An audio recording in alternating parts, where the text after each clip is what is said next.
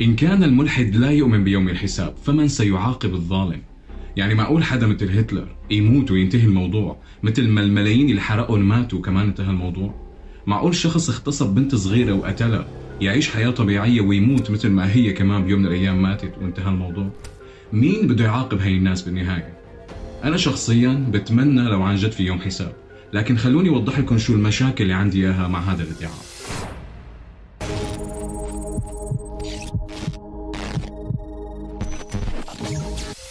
ما راح أعطيكم المثال المكرر تبع الموضوع كله طبيعة ونحن قسم من هي الطبيعة. ومن سيعاقب الأسد الذي اصطاد الغزال وإلى آخره. خلونا نحكي عن الموضوع بطريقة ثانية خلونا نبلش بأول مشكلة عندي إياها مع هذا الموضوع اللي هي ما هي السيئة التي تستوجب العقاب؟ قد يبدو على أنه سؤال سهل جدا. كلياتنا بنقدر نميز شو هي الأشياء السيئة واللي بتضر بالآخرين. الأساسيات طبعا السرقة القتل والاغتصاب. فالموضوع واضح جدا صح؟ للأسف غلط. لأنه القصة كلها بتتراوح لتعاليم الإله والدين اللي إحنا بنتبعه. على سبيل المثال بالإسلام إذا حولنا كلمة سرقة لغنائم هون ما عادت سيئة بالعكس صار شغلة إيجابية. وإذا حولنا كلمة قتل شخص إلى قتل مرتد كمان بتختفي السيئة وبتصير شغلة إيجابية. ونفس الشيء إذا بنغير كلمة اغتصاب بنحولها لملك اليمين لم تعد سيئة بتصير شغلة إيجابية. الأشياء نفسها اللي بتعتبر سيئات والدين بحرمها بصير ما عنده مشكلة فيها لما نكون عم نعملها بالطريقة الصحيحة. وهذا الشيء بيختلف من دين إلى آخر طبعا. فإذا بنفكر فيها إله الإسلام ما رح يعاقب الناس اللي عم يعملوا أشياء سيئة لناس آخرين لا. رح يعاقب الناس اللي ما عم يدعوا له ويصلوا له وهن عم يعملوا أشياء سيئة لناس آخرين. المشكلة رقم اثنين اللي هي الادعاءات الفارغة. لما نحن عم نحكي على من سيعاقب الظالم بعد الموت قد يبدو على أنه هذا حوار بين طرفين. أول طرف عنده حقائق مطلقة والثاني طرف عم بيحاول يشكك بهي الحقيقة. لكن بالواقع هذا الشيء مو موجود أبدا. لأنه لا هن متأكدين أنه فعلا في حياة بعد الموت وفي حدا رح يحاسب الظالم ولا إحنا بنعرف إذا هذا الشيء موجود. الموضوع كله مبني على وعود سهلة وفارغة وهي الوعود سهلة وفارغة لدرجة أنه كل الأديان الحالية ناسختها وبتستخدمها لأنه يا عزيزي دينك هو بس تطور عن أديان منقرضة كانت مصممة بشكل ذكي من بعد دراسة المخاوف البشرية ودراسة المتطلبات الغير منطقية للبشر. وحاولت تعالج هي المخاوف البشرية والمتطلبات الغير منطقية بوعود سهلة وفارغة. وهي الوعود ما له مجبورين يقدموا أي دليل عليها أبداً. وللأسف نحن كبشر مكسورين عاطفيا لدرجة أن مستعدين نصدق أي شيء من دون أي دليل طالما بيرضي هي المخاوف تبعنا والمتطلبات الغير منطقية. وفينا نتأكد أن الموضوع هو بس وعود سهلة وفارغة. لما بنشوف حدا ظالم عمل شغلة سيئة لشخص ما وصار معه مصيبة بوقتها بنقول هذا هو وعد الرب. بغض النظر عن أي رب عم نحكي.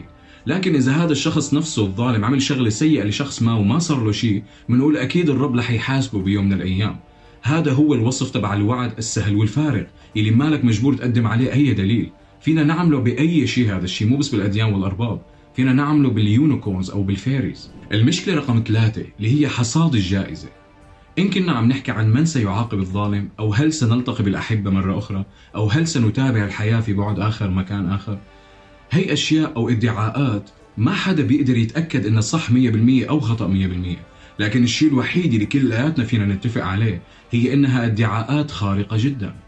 ونحن بحياتنا الحقيقية من الولادة للموت ما عنا أي تجربة بتوضح إنه هذا الشيء قد يكون صحيح. وحتى نحن شفنا ناس ميتين أو عم بيموتوا وما عنا أي سبب منطقي أو طبي حتى أو علمي يوضح إنه من بعد حالة الوفاة أو الموت في شيء بتابع لهذا الشخص أو هذا الكيان رح يعيش بطريقة أخرى أو بمكان آخر. ما عنا أي دليل على هذا الموضوع. فلذلك هذا ادعاء خارق جدا. فيستوجب دليل خارق جدا. وأنا أبلامي دليل بسيط كتير. دليل يكون جيد بما فيه الكفاية. ما عندي مشكلة. لكن اتضح أن نحن لم نأخذ دليل خارق جدا ولم نأخذ دليل جيد بما فيه الكفاية. كل اللي بناخده هو وعد تاني سهل وفارغ اللي هو أول شيء لازم نموت لحتى نتأكد أنه هي الإدعاءات الخارقة اللي ما في عليها أي دليل هي إدعاءات صحيحة. لازم نموت ونوصل لمرحلة الأديان متأكدين أنه لا عودة منا لهي المرحلة. على مدى آلاف السنين عم يدرسوا الموضوع وشافوا أنه ما في شيء اسمه حدا يرجع من الموت. فأول شيء نحن لازم نصل لهي الحالة التي لا عودة منها لحتى نتأكد من أنه هي الإدعاءات صحيحة. شايفين قديش سهلة لعبة الدين؟ شايفين كيف الأديان بتقدر تبيع حرفيا أي شيء للأتباع تبعها؟ شعر نحر ثغر خد جد نهود فخود سيقان بياض نعومة. ما في كن ما في كريمات ولا نيفيا ولا وازلين. ما في أي شيء. طيب لو فرضنا عندك أربع زوجات مع كل واحدة أرب... سبعين حورية مع كل حورية سبعين وصيفة كم صار الجميع؟ أعانكم الله. لأنه هن مو مجبورين يجيبوا البضاعة أصلا. عم يبيعون بضاعة وهمية وما حدا بيقدر يرجع من الموت ويشتكي إنه طلعت البضاعة فاسدة. هي مثل التحديات تبع اليوتيوب اللي بنشوفهم. كيف بيحطوا القوانين هن بطريقة بيعرفوا مستحيل حدا يربح وبيعملوا ادعاءات اللي بدهم إياها. جائزة مليون دولار 10 مليون 100 مليون. ونحن بنعرف إنه هن ما معهم هي المصاري لكن هن كمان بيعرفوا أنه عاملين القواعد بطريقة أنه مستحيل حدا يفوز ومستحيل حدا يجي ويطالبهم بحصد الجائزة. المشكلة رقم أربعة هي المنظومة الفاشلة. عمليا مفهوم العقاب والحساب هو أنه نحن نخوف الناس أنه بيوم من الأيام إذا بتعملوا أشياء سيئة رح تتعاقبوا عليها فهذا الشيء بيردعهم بخليهم يعملوا أشياء جيدة. لكن هذا الشيء للأسف مو موجود بالأديان. لأنه الأديان دائما بتقدم لنا ثغرات للمغفرة. على سبيل المثال بالإسلام مثل ما أتى بالحديث الصحيح إنه إذا منصلي ومنصوم كل الذنوب الصغرى بحياتنا بتختفي كليا قبل يوم الحساب. أما إذا بدنا نمحي الذنوب كلها الكبرى والصغرى بدنا نروح نحج ونعمل التوبة نصوح وهذا الشيء بيمسح كل الذنوب وبنروح على الجنة فورا. أما بالمسيحية الوضع اسوء بكثير لأن المسيحية مفهومة أنه إذا بتعيش 99% من حياتك إنسان سيء. إنسان عم تسرق الأموال من الفقراء عم تقتل الناس الأبرياء عم تغتصب الأطفال.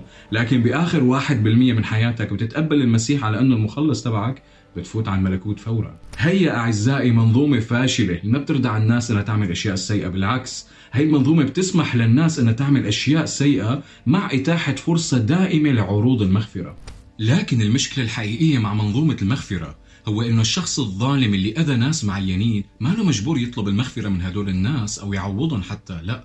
هو فقط ملزم إنه يطلب المغفرة من كيان ميتافيزيقي ببعد آخر ما له علاقة بالظلم اللي حصل نفسه. المشكلة رقم خمسة والأخيرة اللي هي الحساب.